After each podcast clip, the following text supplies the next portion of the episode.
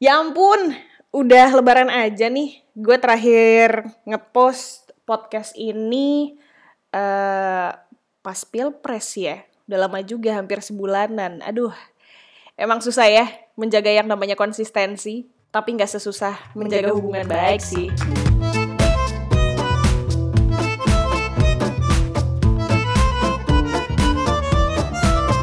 Yang selalu dinanti, bareng Ajeng Dinanti. Hai, selamat pagi, selamat siang, selamat malam, kapan pun lo mendengarkan ini. Apa kabarnya nih teman-teman? Semoga kabar baik ya. Gimana puasanya tahun ini? Lancar? Ini kan udah lebaran ya, lebaran keempat. Gue mau ngucapin minal aidin wal faizin ya kalau misalnya gue punya salah sama lo dengan topik-topik gue yang menyinggung, ya kan?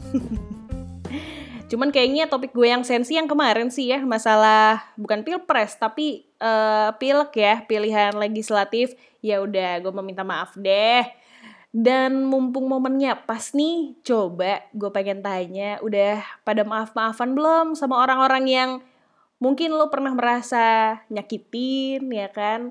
atau misalnya kadang orang yang paling tersakiti sama kita ya adalah orang yang paling deket tahu sama kita karena saking deketnya sering ngobrol mungkin kita nggak sadar ada omongan-omongan kita yang menyinggung perasaannya orang paling deket di sini yang gue maksud bisa macam-macam mulai dari orang tua, kakak, adik, om, tante, kakek, nenek gitu ya. Termasuk juga pacar. Wih, Pacar cuy, enak nggak lebaran sama pacarnya? Waduh, jujur ngiri sih gue. Tapi buat kamu yang masih single, udah baikan belum sama mantannya? Mungkin kamu sebenarnya udah memaafkan mantan kamu ya, tapi bukan berarti memutuskan silaturahmi dong. Status boleh putus, tapi silaturahmi jangan ya. Udah deh, nggak usah jaim.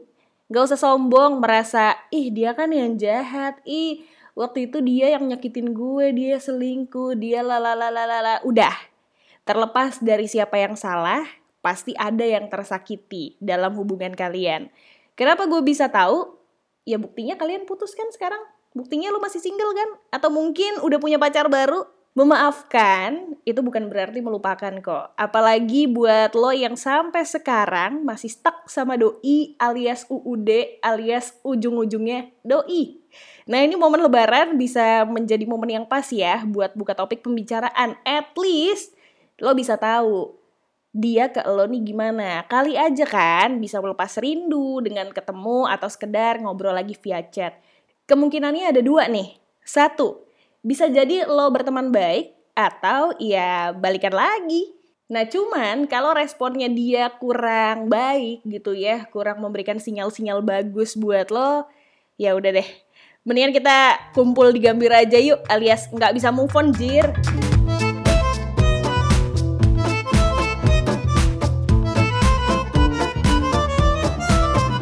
Yang selalu dinanti, bareng Ajeng Dinanti.